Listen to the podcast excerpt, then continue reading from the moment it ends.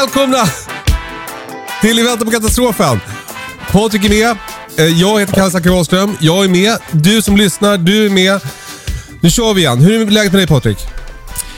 Det är, jag tycker det är så uh, störtkul. Jag var och hjälpte några vänner igår och han sa det. Ah, jag tycker du ser stark ut, sa han. Ja, vad kul. Alltså uh, i form då va. Ja, vad Och, roligt. uh, jag känner mig faktiskt så. Ehm, Du har haft småbrukarkurs i helgen va? ja.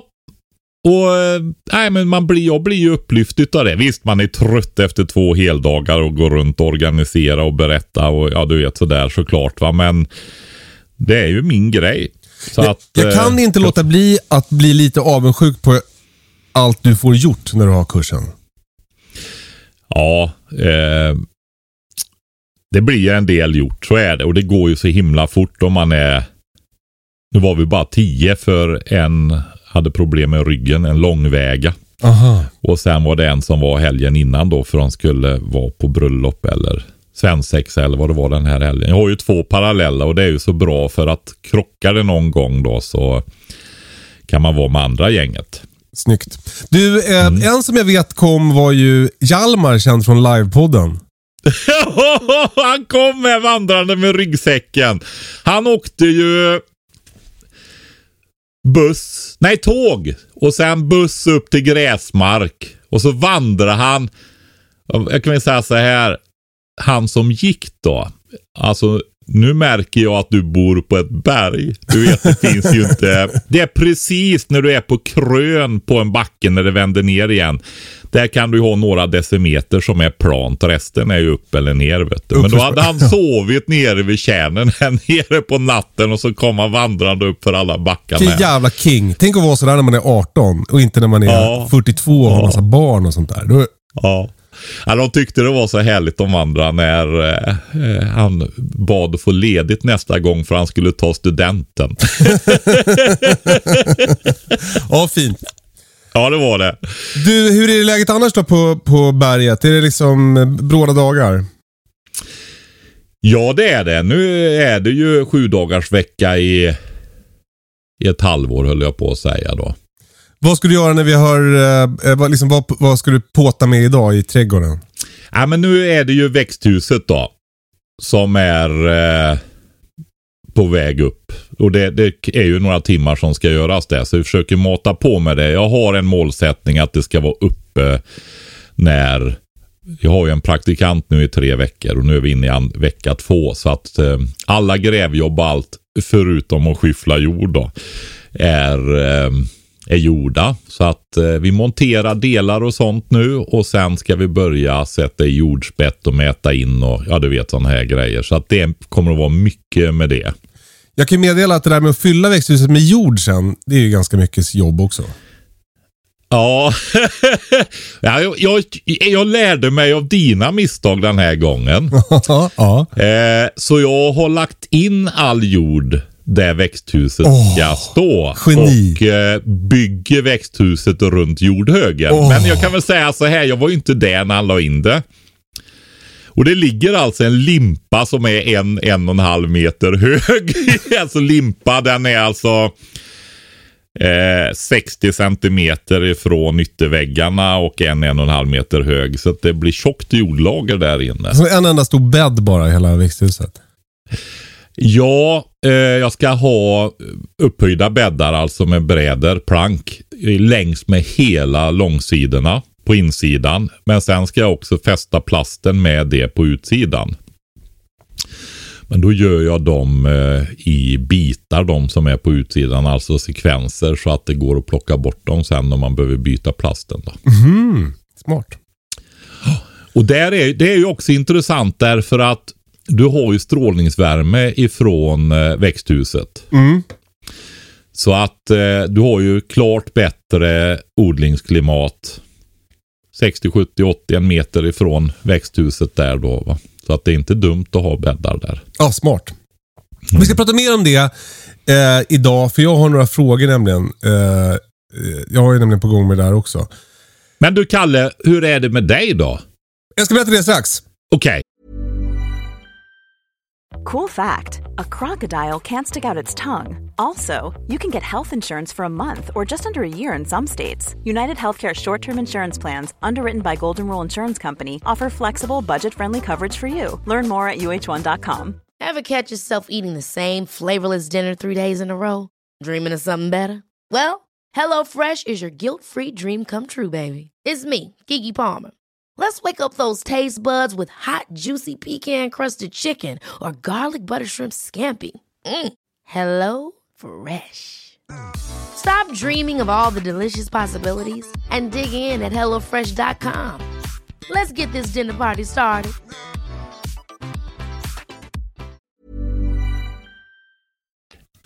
Jo du Patrik, det rullar på kan man säga.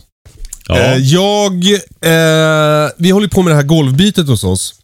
Just nu, just nu är det faktiskt inte jag som gör det, utan nu har vi eh, Maurits och Kaddi här och vi grejar. Vi har lagt spån, så nu har vi typ ett golv igen. Det känns jävligt skönt.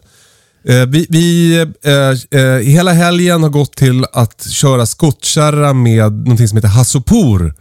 Som är typ eh, någon slags eh, hittepå skumglas. Det känns som lavasten typ. Som, som är vår isolering i golvet ja. Så jag har fyllt hela grunden med det kan man säga. Så det var ju typ eh, mellan 40 och 60 centimeter i hela huset.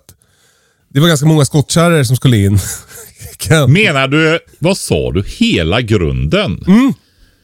Man lägger ända ner på backen Ja, alltså? för det är diffusionssäkert eller vad det heter vid 10 centimeter bara. Så att, eh, eller 11 eller vad det var. Ja, det är kapillärbrytande. Eller, Kapillärbytande heter det kanske. eller är det, är det, ja men du, det måste ju vara för markfukten också som går uppåt Ja. då. Alltså det, här, det, verkar, det känns jättehärligt. Alltså från att ha gått från 10 cm grus som isolering så har vi nu liksom eh, 50 cm hasopor och sen har vi lagt eh, linisolering under det närmast eh, eh, golvet. För, Mm. för akustiken. Ja. Eh, så så det, det höll vi på med i helgen. De levererades i stora såna här eh, jättesäckar. Så jag har lyft dem med traktorn och sen är det en öppning i botten och så har vi fyllt skottkärror och det har dammat och jag är fortfarande grått snor alltså. Men, Men du, går det inte att blåsa sånt? Eller blir det för dammigt det? ja, jag, vet- jag vet faktiskt inte. Vi, jag hade ju, som, min första taktik var ju ett så transportband. Ja. Eh, för jag behövde det till veden och jag tänkte det här kanske också kan funka till den här hasselboren. Eh, det gick inte alls kan jag säga. Jag, jag la typ en dag på att hämta det eh, och sen en halv dag på att laga elen i det. Och sen så testkörde jag och det började direkt med att de här lavastenarna ramlade ner och fastnade i motorn. Så det gick absolut inte att köra. Nej! så det blev skottkärra. Ja, igen. Eh, Men det var... Jag fick hjälp av en kompis också. Viktor var här. Och det var så himla eh, tydligt att när vi började specialisera oss så gick det så otroligt mycket snabbare. Vi, vi delade upp oss så att Britta var inne i huset och eh, liksom rakade ut de här stenarna. Viktor körde skottkärra och jag var den som eh, hämtade sådana här säckar och, och fyllde på skottkärrorna genom att öppna dem i botten. Ja. Och när man liksom fick bara en uppgift så satan vad det rasslade på då. Mm. Det där med att hålla på och försöka göra alla steg själv, det var, det var en dålig metod. Och det var ju som en illustration över, över liksom effektiviseringen i samhället, där vi brukar prata om. Att, att, Produktivitetsutvecklingen. exakt. Och det kan ju vi hålla på och gnälla på ibland, men i, men i det här fallet så var det jävligt skönt. Ja, men alltså. Jag var ju och hjälpte några igår också där och de pratar, de är, du vet det här tillväxt har ju blivit ett skällsord. Men vad, vad är det för någonting då egentligen? Alltså, det, det man har, jag tror att det är så här att man har inte riktigt koll på olika saker utan man känner bara att det är inte bra och det är det banne mig inte. Jag brukar ju försöka ta upp det ibland i podden. Jag tänker inte göra det nu men jag vill ändå säga så här när det gäller tillväxt. Om du förbättrar ditt ställe Kalle. Då skapar ju du tillväxt. Ja. Ja. Om du inte gör det utan låter det stå förfalla. Förstår Recession. du? Vi ska alltså inte försöka sträva efter att göra saker bättre längre för då blir det tillväxt. Ja, ja. men det är väl ett större Det- strukturellt det- problem det här med jakten på den eviga tillväxten. Det är väl inte liksom... Ja, liksom, men det är väl inte, alltså, gäller inte ens personliga inte- hygien. Ska vi inte försöka, det är alltså vad blir det och hur det, det jag menar är ju det här med hur de har trycker pengar höll jag på att säga och ökar penningmängden med skuldsättning och så vidare är ju ett gigantiskt problem. Va? Och orättvist till förbannelse rent ut sagt. Det är mm. ren och skär jävla ondska om jag ska vara riktigt ärlig. Kriminell, korruption, vad du vill. Mm. Det är ju det som är problemet. Eh, inte tillväxt. Nej. Inte att vi strävar efter att få det bättre. Nej. Eller att våra Men det här med att roffa åt sig så mycket som möjligt är väl det som är Ja men det är ju inte tillväxt Nej, utan det, det är, ju rovdrift och girighet och så vidare. Va?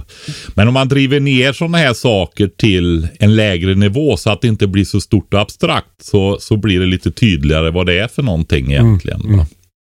Ja, okej. Okay.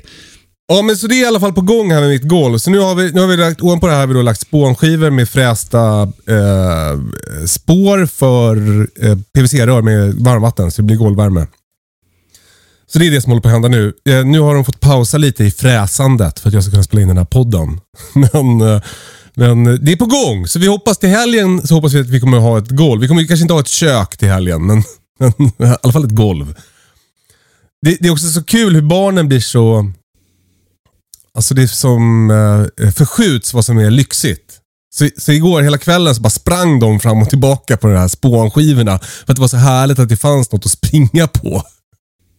På ett golv på nedervåningen. Ja, och du slapp bära. Ja, exakt. Vi har, haft, vi har liksom gått på spänger i en vecka nu. Så ja, det var jävligt skönt.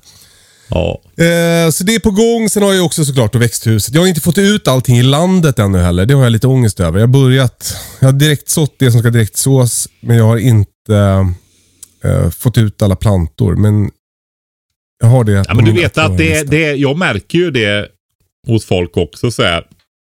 Det är ju väldigt sent i år. Mm.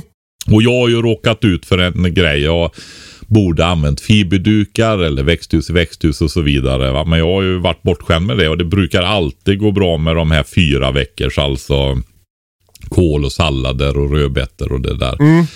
Men i år gjorde det inte det. Nähe. Det blev för kallt för länge så de har ju stannat upp. Okej. Okay. Ja, vad tråkigt. Ehm, ja, men, och det har du gjort för många. Men då märker jag ju att folk, åh jag måste få ut dem i landet. Nej ja. men låt dem stå kvar i sina krukor. Det är lättare att sköta dem där. Ja, ja. Det handlar ju mer om att näringen inte ska ta slut i krukan och så vidare. Utan eh, låt dem växa till sig så de har bra försprång och sådär. Hur stora är dina? Ja men nu, mina är, nu är mina börjar bli stora nu. Det börjar liksom bli trångt i, i pluggbrätterna. Mm. Så nu, nu tror jag att det är dags att mig att få ut dem. Men, och det är en grej som är skön för mig i år. Jag har ju tidigare jobbat med bäddar då i landet, men som du har frångått bäddar och jag håller på med något som heter radodling som jag ännu inte förstår vad det är riktigt. Så kör jag nu bara som en, mer som ett, mitt trädgårdsland är som ett stort vitt canvas där jag ritar efter eget huvud. Mm. Och det, det är gör... bra att göra långa rader i så fall så att de är lätta att rensa. Ja, alltså det, här ja. man, det är ogräsrensningen som gör att folk tappar greppet ofta va? och sätter begränsningarna. Att man tänker att göra det lätt att sköta men, men det som jag tror framförallt kommer att vara härligt för mig i år är att då kan jag göra en större, längre bädd eller rad med eh, kol. Så då kan jag täcka över den bättre med sådana här kolnät. Okej. Okay, för det har nämligen varit ett problem förut. För jag har haft ganska små bäddar och då har det varit så jävla mycket eh, sådana här nät och det har varit krångliga små bitar och klippa till och få och ligga kvar och så här. Nu tänker jag liksom som en stor avdelning i landet egentligen med, med kol. Mm. Det kommer bli mm. härligt tror jag när jag väl får ut dem. Mm. Ja, just det här. Jag pratar ju mycket om radodling och sådär. Och det gör jag ju utifrån mina erfarenheter. Mm. Uppe i bergen med mina maskiner, min utrustning och så vidare. Men också för att du får mindre att upprätthålla. Men så var jag ju hos vänner igår och körde med traktorn där, jordfräsen, rotorplogen. Och då slog det mig liksom så här tydligt att, för där var det tung, tung lera. Och det är ju en kall och eh, fuktig jord va. Mm. Eh, alltså allt har ju sina för och nackdelar.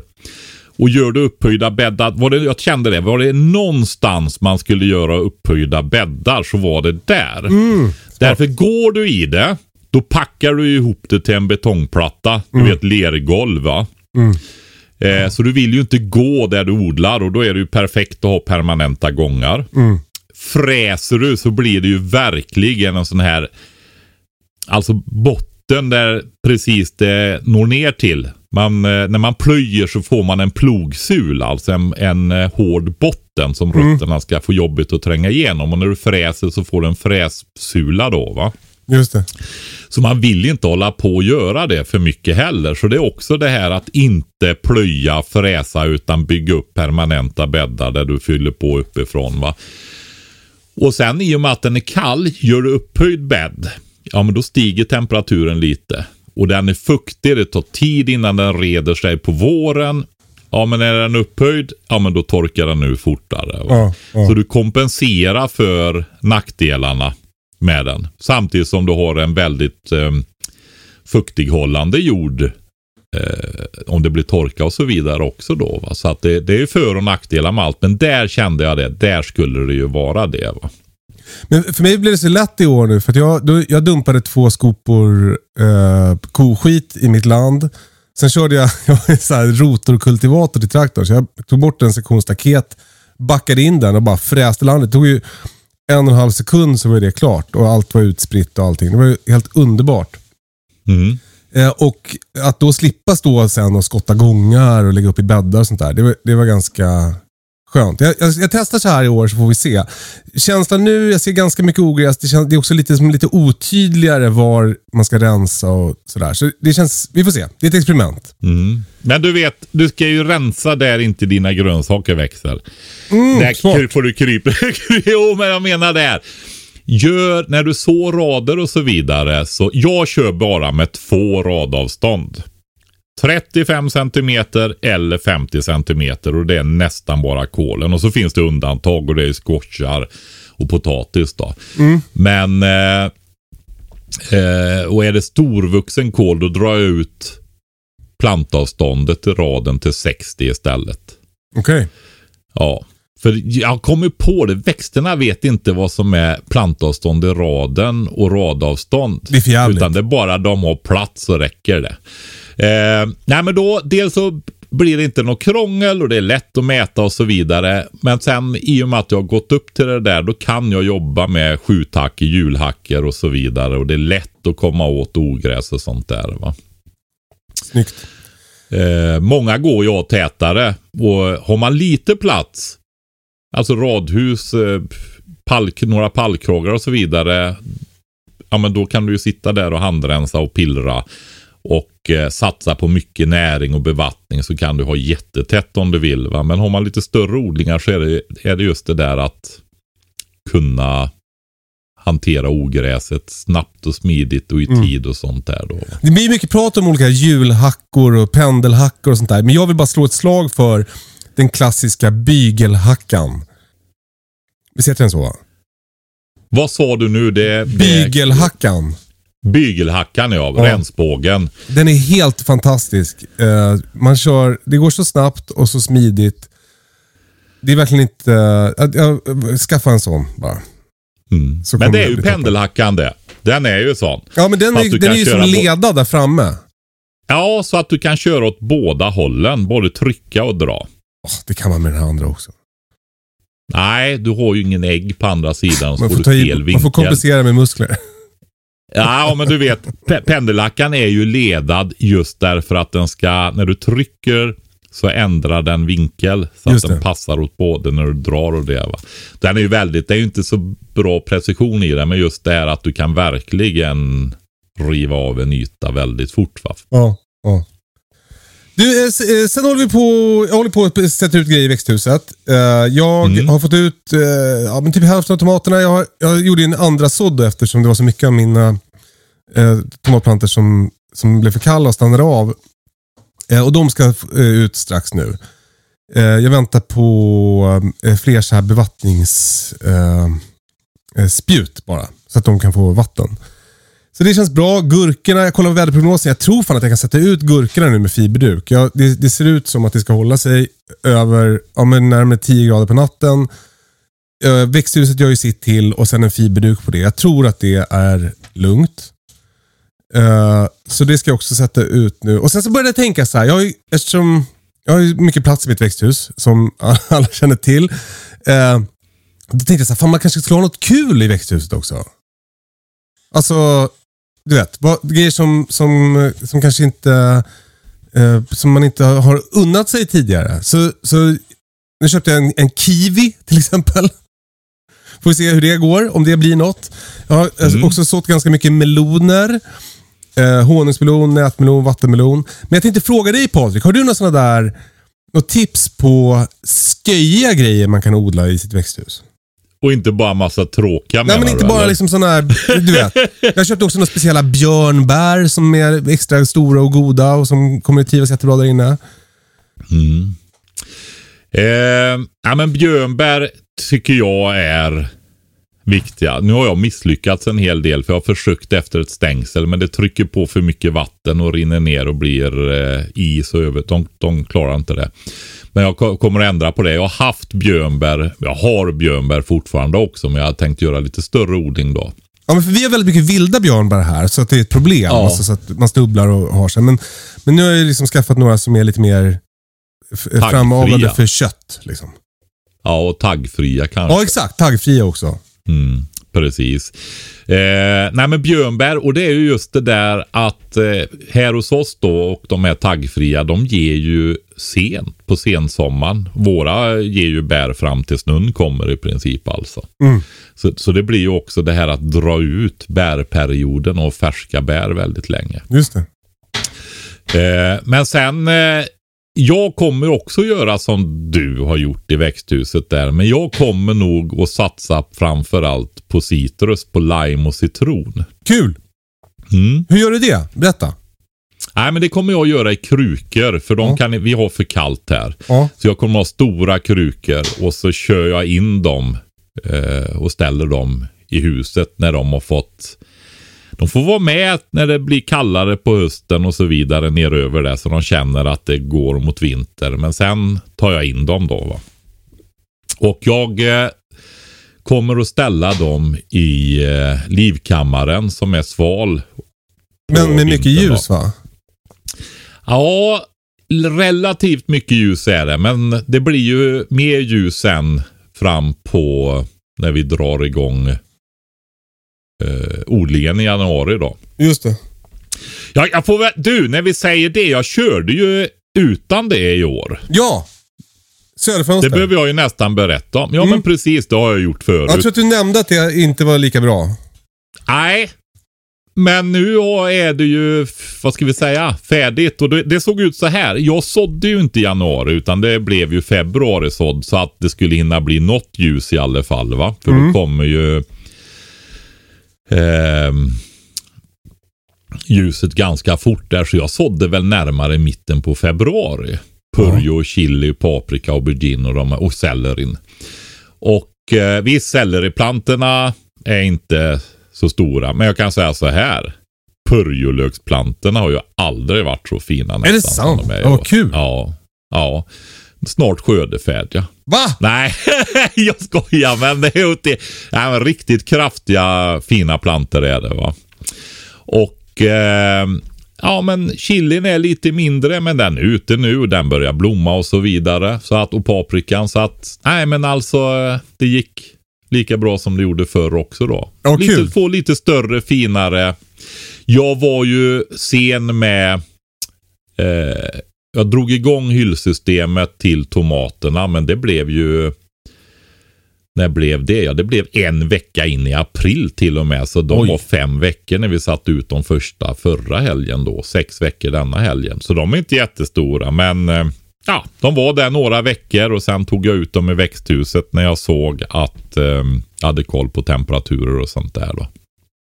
Ja men snyggt. Ja, det, det låter det, som att dina plantor är större än mina eftersom jag hade det här Ja, de har inte kommit igång än eller? Jo, det har de. Men de, de, de, de har det? Inte. Nej. Eh, de är igång, absolut. Det är dags att... Jag ska fixa upphängningen senare idag tänkte jag till tomaterna. Mm. Eh, det börjar bli dags. Vissa är ganska långa. De behöver bindas upp. Ja. Eh, men vad, det känns inte riktigt som att jag fick svar på frågan där Patrik. Med det här med vad jag ska odla för kul i växthuset. Förutom, du sa citrus. Och lime. Lime och, och citroner. Just det. Och då, då är det krukor. Hur stora krukor kommer du ha då? då? Alltså de, de kommer ju att växa och eh, det innebär ju att du kan ju ha lite mindre kruka i början och så får du ju efterhand som den krukan fylls upp så får du ge den en större kruka helt enkelt. Och Mm. Jag tänker att det kan bli rätt stort men jag behöver ju kunna få in det i mitt hus. Mhm. Det är ju, ja, skull, ja, snickeriet är inte mycket bättre. Det är nästan trängre. Så att det är att få in den i huset. Men man får väl ta hjälp av magasinskärra eller någonting på slutet där om några år. Kul. Men eh, och jag, jag tänker så här. Jag gillar ju det nordiska, det svenska köket, de eh, mattraditionerna. Men jag gillar ju väl mat från hela världen. Men jag tänker så här om man tittar på det nordiska köket. Är det någonting jag skulle vilja plocka utifrån? Jag gillar vinäger också alltså. Det gör jag. Äppelcidervinäger och sånt där. Men syran ifrån citron och färsk citronsaft och så vidare är det är nä- nästan det jag skulle plocka utifrån om jag fick välja en grej alltså. Ja, men det är till drinkar också. Du kan inte dricka Corona utan lime. Det är helt omöjligt. Nej, precis. Och Ja. gin och tonic. Oj, oj, oj. Men gud vad kul. Eh, Det det där ska jag också satsa på. Tror du att jag kan ha ute året om eller? Nej, jag eh, tror att de är lite för frostkänsliga faktiskt. Ja. Eh, Men jag tror du kan ha ute dem en väldigt stor del av året. Och sen har väl du ändå frostfria utrymmen va? Ja, ja, det har jag. Jag tänker din eh, ditt, ditt köttutrymme där bredvid pannrummet borde gå att ordna så att du har plus den på ett enkelt ja, vis. Ja, Ja. Och även din verkstad. ja. Perfekt. Att du, Kul! låg Lime och citron. Ja, det skulle jag nog säga. Sen så- går det ju att odla persikor och sånt där. Men jag tänker, du sa kiwi. Mm. Det- Den har inte jag provat här uppe hos mig. Men jag tror att du kan ha den mot din södervägg där. Mhm, kul. Ja, nu är den i växthuset. Hela- Vi får se. Det, det, jag får utvärdera hur det går. Mm. Men gillar du det så prova att köra. Täck upp hela din södergavel där. Ja, kul. Ja, vi, det, vi håller på att planera en utbyggnad där, så vi, vi gör inte så mycket. Nej, men det är ju en klätterväxt och då kan ju den klättra i kanterna. Och, Mm, mm. Men Ja, inte när det spännande. är färdigt då. Ja. I'm Sandra, and I'm just the professional your small business was looking for. But you didn't hire me because you didn't use LinkedIn jobs. LinkedIn has professionals you can't find anywhere else, including those who aren't actively looking for a new job but might be open to the perfect role, like me. In a given month, over 70% of LinkedIn users don't visit other leading job sites. So if you're not looking on LinkedIn, you'll miss out on great candidates like Sandra. Start hiring professionals like a professional. Post your free job on linkedin.com/people today. Ever catch yourself eating the same flavorless dinner three days in a row? Dreaming of something better? Well, HelloFresh is your guilt-free dream come true, baby. It's me, Kiki Palmer. Let's wake up those taste buds with hot, juicy pecan-crusted chicken or garlic butter shrimp scampi. Mm. Hello Fresh. Stop dreaming of all the delicious possibilities and dig in at HelloFresh.com. Let's get this dinner party started. A lot can happen in the next three years. Like a chatbot may be your new best friend. But what won't change? Needing health insurance. United Healthcare Tri Term Medical Plans are available for these changing times. Underwritten by Golden Rule Insurance Company, they offer budget friendly, flexible coverage for people who are in between jobs or missed open enrollment. The plans last nearly three years in some states, with access to a nationwide network of doctors and hospitals. So, for whatever tomorrow brings, United Healthcare Tri Term Medical Plans may be for you. Learn more at uh1.com. Patrik, vi pratade förra veckan om det här med att, förbereda sig för torka. Ja, Eh, och då, då snackade vi lite om det här med att slanga vatten ur sjöar. ja. Och du hade ett tydliggörande du ville göra där. Jo, men du, det är precis. Nu får vi ta lite torrt juristsnack här. Jag fick dels ett mail eh, och då googlade jag upp och kollade lite mer om det själv då. För jag tyckte det var så pass intressant då. Och eh, Det var ju någon eh, King som hade jobbat som VA-samordnare på kommun, någon kommun eller något sånt där som hörde av sig och berättade om det här va? också ja, precis. Eh, det är två stycken som har hört av sig då. Mm, Men eh, det man kan säga är så här. Du är ju ansvarig och du ska ha koll på vad du gör. Egenkontroll kallas det då va, när Jaha. man tar vatten. Eh, och man Antingen så får man göra en anmälan eller söka tillstånd. Men så finns det undantag då. Men om vi, om vi lyssnar lite det här anmä att anmäla det är den lägre grejen och då handlar det om så här. Du får ta, om du tar högst 600 kubikmeter per dygn. Ja, men det- det är en högst så kan man- 100 000 kubikmeter per år från ett vattendrag, alltså å och sådana grejer. Då behöver du göra en anmälan. Eh, och gör du 1000 kubikmeter per dygn men högst 200 000 kubikmeter per år från ett vattenområde, alltså sjöar och sånt då va.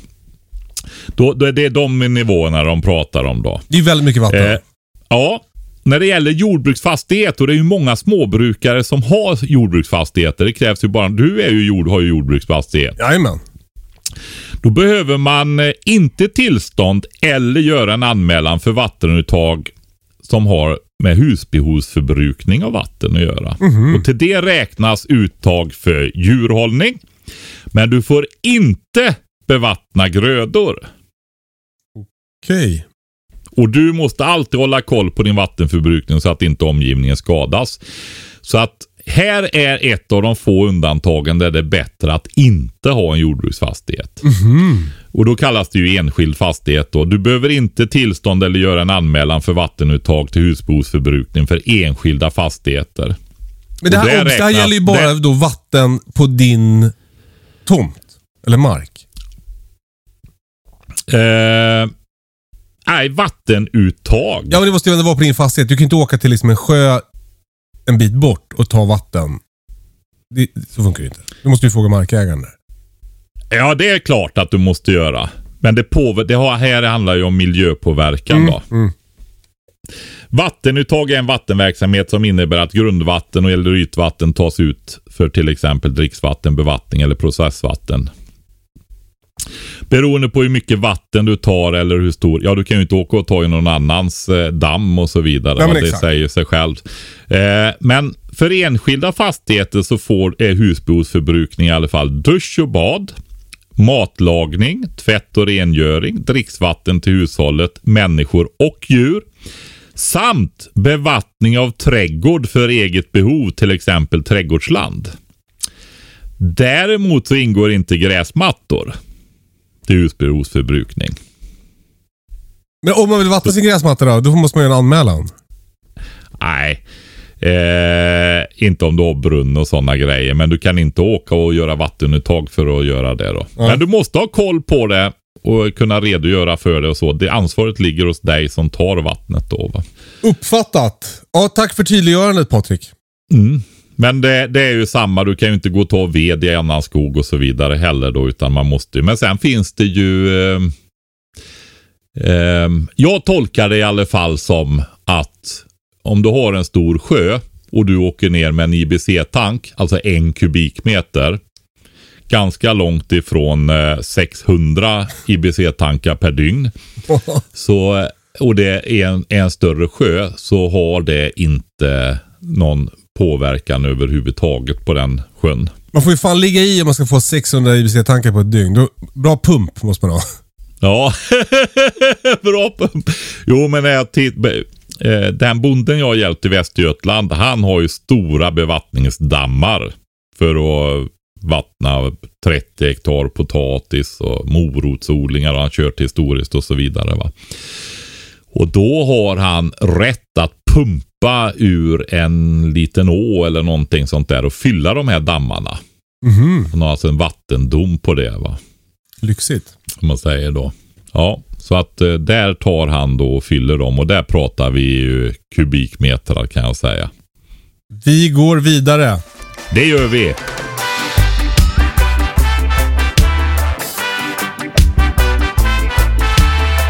Du, eh, eh, en annan grej som jag håller på med i anslutning till mitt växthus nu är att jag tänkte anlägga ett nytt jordgubbsland. För att jag eh, grävde nämligen bort mitt gamla jordgubbsland till förmån för växthuset. Alltså det, det stod på den platsen där det, växthuset står idag. Mm. Eh, och då tänkte jag fråga dig Patrik, vad ska jag tänka på när jag ska anlägga mitt jordgubbsland? Alltså, jag, just, jag har ju också precis gjort ett jordgubbsland och det var en av grejerna som vi gjorde ett ryck. Den här sista gruppen nu, tvåan då, småbrukar-tvåan, de, det är en ganska låg genomsnittsålder på den. Det är nog den lägsta tror jag som har varit. Så de är ju, står ju verkligen så här bara vill hugga i överallt. så att, eh, ja men det är verkligen så. Så att eh, det är så jag får försöka hålla igen och inte berätta så mycket utan berätta medan vi håller på ungefär va. Eh, så att då rev vi av och de hjälpte oss att sätta ut plantorna då. Vi har satt ut några hundra plantor då. Några hundra plantor? Och, ja, ja, bortemot tror jag vi kan Helvete. säga. I alla fall eh, två, ett par hundra i alla fall. Jag har inte räknat dem ändå, men någonting sånt. Men jag där har jag en välgör, jag har haft kål där förut. Och jag vet inte hur det är som för frukt. Kål är ju lite speciellt då, men det var framförallt så var det ju välgödslat. Kål är ju en näringskrävande så det var luckor och fin jord.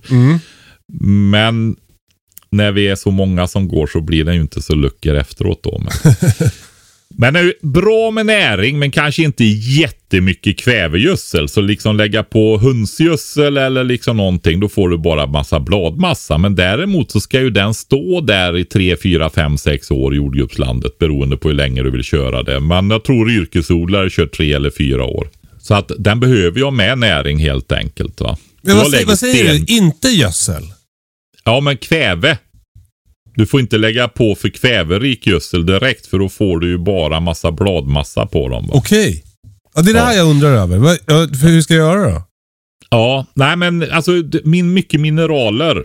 Alltså att du lägger välförmultnad eh, två eller tre års kokompost, gödselkompost på. Mm. Eller, också, eller också är du försiktig med gödslandet. Ja. Ja, för som jag har gjort i mina bäddar inne i växthuset, då har jag ju grundat med koskit typ. Alltså, Ja, men det går ju alldeles utmärkt för det är ju näringskrävande grejer där. Va? ja, Så gör jag också i växthuset. ja. Men då ska Men, inte göra eh, samma i jordgubbslandet? Nej, men det är generellt för frukt och bär och sådana saker, både buskar och sånt, att du ska inte ha för mycket kväve där. va. Mhm. Men däremot på våren så kan du ju ge, men vi gör ju så här att vi ger guldvatten helt enkelt på vår, varje vår. Ja. Att man eh, tar i kannor och så startar man upp dem med lite kväve där, en extra kvävegiva då va. För det är ganska kväverikt. Eh, Du, har jag gjort bort mig det då? För jag har lagt eh, eh, koskit runt mina hallonbuskar. en färsk koskit. Alltså färsk och färsk. Men det är blandat med halm och Mm. ensilage. Och... Mm. Eh, ja, du får väl se. Jag tror det går jättebra. Ja, de är också, de mår inte jättebra, så det är väl toppen om de får lite bladmassa så att de Ja. känner att de lever. Nej, men alltså grejen är de skjuter ju väldigt mycket skott och man klipper ju och gallrar och plockar bort mycket så att det behövs en del näring i en hallonhäck i alla fall. Ja, så är ja. det ju, så att, Men tillbaka till jordgubbarna då. ja, eh, och det är ju samma sak som vi har pratat om flera gånger där. Alltså hur ska jag nu hantera ogräset? Mm. Alltså det är ju många som har fått sin barndom traumatiserad genom att få rensa jordgubbar och sen hatar de jordgubbar resten av livet. Skulle aldrig odla jordgubbar va, utan det är sånt man köper. Tror att det här kanske inte är en generation Z-grej att behöva rensa jordgubbsland. Nej, jag har ju gjort så här att eh, jag har lagt geoduk förut. ja. Och eh, så gör jag ett snitt i den och så sätter vi en planta ner i där. Alltså Ett du gör inte ett, gjort. gör, ett, gör ett hål för varje planta eller gör ett långt hål för alla plantor? Ett för varje planta. Men Ja. geoduken då, den här svarta, den Ja. värmer ju upp och den släpper igenom luft och den släpper igenom vatten och så vidare. Och det har ju varit, fungerat otroligt bra. Vi har aldrig haft så lätt. Vi och det är faktiskt Ingmarie som gör det. Hon river undan på våren alla ja, du vet, döda blad och revor och grejer där va. Ja. Och så städar Och så gillar hon aldrig mer jordgubb- jordgubbar sen. Jo då, det gör hon. Ehm, hon tycker det är jätteroligt med jordgubbarna och, faktiskt. Och, ehm, men sen när man ska bryta det där landet Mm. med den där geoduken. Det är ju inte jätteroliga dukar alltså. Nej. Och sen är det ju så att det är stora fina jordgubbsplantor och kommit upp några ogräs i det där hålen och så också. Va? Så den sitter ju fast. Så nu har jag provat en grej och det är i år. Och det är en duk som är biologiskt nedbrytbar. Jag kommer duk är våran grej alltså. Historiskt för, jag tror fortfarande många yrkesodlare har halmrivare och lägger halmströare och lägger ut i rader och sånt där i sina långa jordgubbsrader då. Men eh, eh, vi kör med den här duken då. Och då får man lägga stenar och sånt i början när det är litet så det inte blåser iväg eller sandsäckar eller någonting. Men sen efterhand som plantorna växer. Nu gör jag inga kryss längre utan nu drar jag ungefär en decimeter lång som jag skär med kniv och så sätter, gräver vi ur och sätter en planta och ser till att det sluter bra på jordgubb eh, på rötterna sen då. Va? Eh, så jag hoppas det ska gå bra och jag hoppas att den här duken kanske håller i alla fall fyra år då. När du säger geoduk då, för jag, jag har en massa markduk, som jag kallar det. Det som jag har lagt Mm. under mitt växthus till exempel. Skulle den funka också? Ja, det är den där lite plastigare duken där. ja. Geoduken är ju lite mer som väldigt kraftig fiberduk. Där. Ja, ja, ja. Det är sånt jag lagt i botten under hassoporen här när jag gjorde golvet. Precis, Mm. eller som du lägger under när du grusar vägen och sådana grejer. Just Så inte de ska blanda sig materialen. Va? Men vad händer om man tar den där plastiga? För på, när jag har varit på självplock med jordgubbar, då brukar det ju vara typ som svart sopsäcksplast som ligger runt. Ja, och den värmer och så vidare. Och det där ju, har de ju använt mycket och Ja. det fungerar ju. Men jag tycker ju det... Ja men alltså den är ju vattentät. då. Ja, ja. Då måste det bli vattning under. Precis, de har nog droppslangen under i så fall. Eller ja, jag vet faktiskt inte riktigt. Men eh, du, jag tror säkert du kan använda sån eh, markduk som du pratar om. Den här lite plastigare enmeters breda rullar också då va. Men det är ju en duk som, ja, det blir ju samma effekt som med, med eh, geoduken där då va. Att eh, den växer fast och Och den är kvar för alltid. Ja, den första jordgubbsodlingen jag hade med duk då för, ja, vad det nu är, 10-15 år sedan. Det kommer ju upp sån duk fortfarande här och var alltså. Du får fråga, eh, en grej som jordgubbar gör är också, de, de eh, förökar sig ju väldigt bra. Mm. Och det, den grejen försvinner väl om man har duk då? Ja, eh, ja, och, och ja, men precis. För du har ju det här att du kan fylla ut raden liksom så att det blir en eh, en eh, en häck liksom nästan va. Mm. Förstår du? Du sätter dem på ett visst avstånd så revar de sig i eh, raden liksom. Ja, det blir fler planter och föryngrar sig på det viset lite grann då. Absolut. Eh, det du kan göra är ju att du sätter plantorna lite tätare då va. Ja. Men jag, jag måste säga så här att jag har inte upplevt det som ett pro- De blir ju väldigt stora de där plantorna. Ja. Men sen också att du eh, eh, Du får ju rever som vanligt. Mm. Och jag gör ju så här då, för tanken med jordgubbsodlingen sen, den, min jordgubbsodling är inte ett jordgubbsland någon annanstans, utan mina jordgubbar är i grönsakslandet. Mm.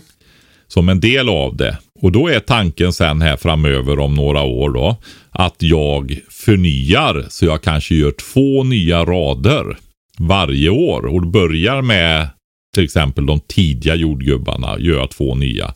Och sen fyller jag på med de medeltidiga och gör två rader året därpå. Så jag liksom, och då tar jag bort de äldsta delarna sen. Som hön, en hönsflock.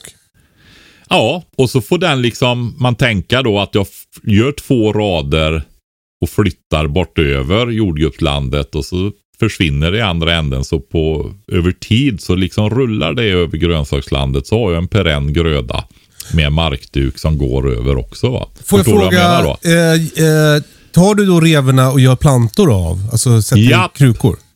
Det gör jag. Och Ja. min metod som jag har kommit fram till det är helt enkelt att ehm, jag ställer 9 cm krukor under. Du vet, det är ju som en, en eh, navelsträng som går ut då va. Ja. Och där blir det en bladrosett. Ja. Och den sätter jag i en 9 cm kruka. Ställer 9 cm krukan under den i la, ute i landet. Mhm, och så den rotar sig? sig. Jajamensan. Och, eh, Och när den har gjort det så knipsar du av navelsträngen? Ja, precis. Hur- när de får man kan göra det stå då? där över vintern också. Om du, om du inte vill ta undan dem så står de där. va. Så är det ju bara när du ska ha dem så klipper du av den där. Okej, så du gör det liksom vid, när det är dags att använda den? Ja. Ja. Och eh, den jordklumpen är lite stor för duken och den där snittet. Men då får du ju riva av lite jord bara på krukan där sen. Va? Just det. Men sen också det, det man kan tänka på det är ju det här att eh, ha oli- man- Som småbrukare vill man ju ha långa skördeperioder. Mm. Man vill liksom inte hyra in personal och skörda allting på en gång. Nu just jordgubbar med självplock, där vill man ju också ha långa säsonger som man kan sälja länge då. Mm. Men eh, eh, så jag, jag rekommenderar ju minst tre olika sorter som är det finns ju tidiga, medeltidiga, eh, medelsena och så vidare. va. Mm. Och jättesena. Ja, så. så man kan få en skördesäsong som är utdragen någon månad eller två. Va? Hur är det med bevattning med, med jordgubbar? Jag vattnar ju eh, relativt mycket om det är torka alltså. Mm. Ska det bli stora så behöver de ju ha en hel del vatten. Eh, för min plan är att köra eh, från mitt, på timer. Alltså samma som tomaterna får. Mm. Funkar det? Ja. Ja men absolut. Alltså det är ju det här om du odlar, eh, det är ju inga gigantiska rotsystem. Jag vet inte hur stora de är faktiskt när det börjar bli flera år gamla jordbruksplantor. Men de är nog, de är väl hyfsade då. Men eh, eh, mina står ju i grönsakslandet. Och eh, historiskt har jag ju köpt med, kört med sektorspridare där. Just det. Och då är det ju liksom försöka eftersträva 25-30 millimeter nederbörd i veckan. Ja. Så de får ju rejält med vatten då. Ja. Nu är tanken faktiskt att eh, gå över till droppbevattning då. Mm. Så då lägger jag ut det i jordgubbsplan. Jag har slangen men jag har inte byggt systemet än då. Gud vad spännande. Ja, jag känner mig peppad på att bygga mitt jordgubbsland nu. Det får bli ett projekt, ja men kanske ikväll eller imorgon eller. Mm. Nej men alltså jordgubbar, alltså, det, de är ju en av de där tre som jag brukar ta upp. Alltså har man inte mycket plats och man vill inte odla jättemycket och sådär men man vill ändå ha något. Då är det ju tre grejer liksom. Det är tidiga potatisar så man får de här fina och man kan dra upp planter och sätta i krukor eller hinkar och sånt där så man får fram fina görfina tidiga potatisar. För många gånger tycker jag att de där man köper i affären, de är för hårt rivna och vattniga och blaskiga och alltihopa det här. Mm, Va? mm. Så tidig potatis, om man tycker det är fantastiskt att få sitta där på midsommar med matjessill och gräddfil och gräslök och det där va. Och tycker man inte att det är fantastiskt, då kan man ju dra åt helvete. Kalle, du är så hård! Ja, förlåt. Ja, tidig potatis och sen jordgubbar då. Och sen är det ju jordgubbar. För det smakar ju Eh. helt annorlunda. Ja, men alltså när du får en solvarm som faktiskt är riktigt mogen sådär så den liksom nästan är lite Ja, men de är ju inte hårda liksom och träiga utan de är ju mjuka och goa och bara Ja. smakbomber. Det varierar med sort och så givetvis också alltså men du kan ju ha det finns ju, nu, nu kommer jag, jag är ju dålig på att komma ihåg sorter. Jag kan Connect kan jag. ja, men det är potatis Patrik. ja, det är potatis. men eh, eh, jag kan en del sorter, men jag är inte jätteduktig på att komma ihåg det ska jag säga. Men det jag kan säga är att man har ju smakat på en och annan lite äldre sort. Och de kan ju vara känsligare för mögel och de går inte att transportera och håller inte och så vidare för transport och sånt där. Så de är ju inte så vanliga men de smakar ju gudomligt. Va? Jag och gjorde, sånt kan du ha i ditt lilla land då. jag gjorde faktiskt ett experiment, eh, inte i fjol, året innan det, eh, där jag jag hade liksom ganska mycket jordgubbar själv, men, men det räckte inte till att göra hela årets sylt. Så jag kokade några burkar sån sylt. Och sen så köpte jag jordgubbar i affären och kokade sylt på det. Och det, det är ju som och natt och dag. Det är helt olika grejer. Mm. Eh, Det, det går inte att jämföra köpjordgubbar. Och då, då tänker jag, det är så tydligt exempel tycker jag på det där du brukar prata om med olika sort, sorter som är gjorda för att säljas, alltså transporteras och hålla sig mogna länge och så vidare. Att det, då, är liksom, då har man tummat på, på smaken. Och, Mm. och jordgubbar är nästan det bästa exemplet på det tycker jag. Ja, men så tänker jag ju också. Jag har ju en tidig, en av de tidigaste sorterna nu. Och då tänker jag ju så här, okej, den är jättetidig. Då ökar chansen att vi får jordgubbar till midsommar, egna. Men förmodligen så har ju det, när man har drivit det då till den extremt tidigaste sorten, så har ju förmodligen andra saker fått stå tillbaka. Mm. Men då får det väl vara så då, tänker jag.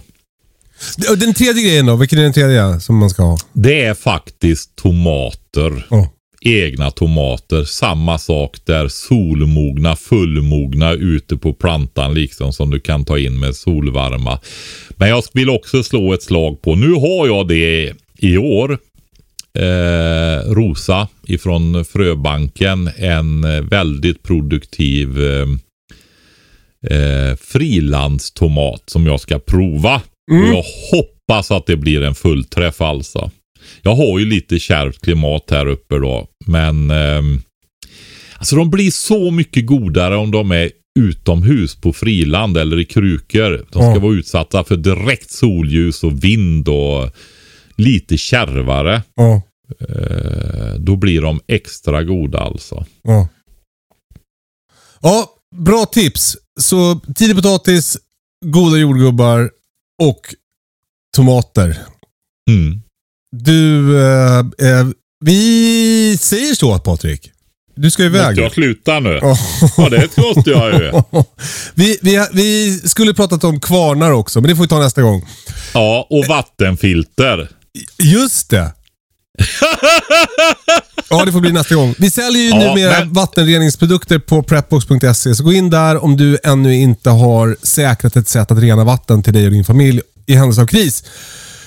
Och Ja, jag har ju kollat lite på de där nu, Kalle. Nu måste vi ta dem nästa gång. För jag, jag tycker faktiskt att de är väldigt bra. då har vi det att se fram emot. Ja. Eh, och nästa vecka kanske jag också har ett golv. Då har vi det att se fram emot också. Stort tack för idag! Eh, tack för att ni lyssnar. Fortsätt mejla hejkatastrofen.se och så vidare.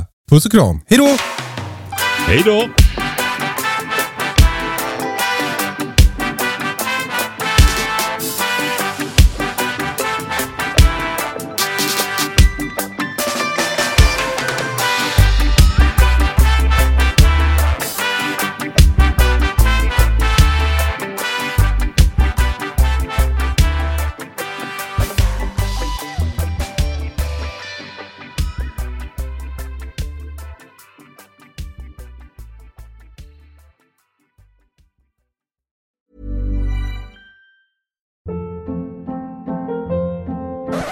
Up. What was that? Boring. No flavor. That was as bad as those leftovers you ate all week. Kiki Palmer here, and it's time to say hello to something fresh and guilt-free. Hello Fresh. Jazz up dinner with pecan-crusted chicken or garlic butter shrimp scampi. Now that's music to my mouth. Hello Fresh. Let's get this dinner party started. Discover all the delicious possibilities at hellofresh.com.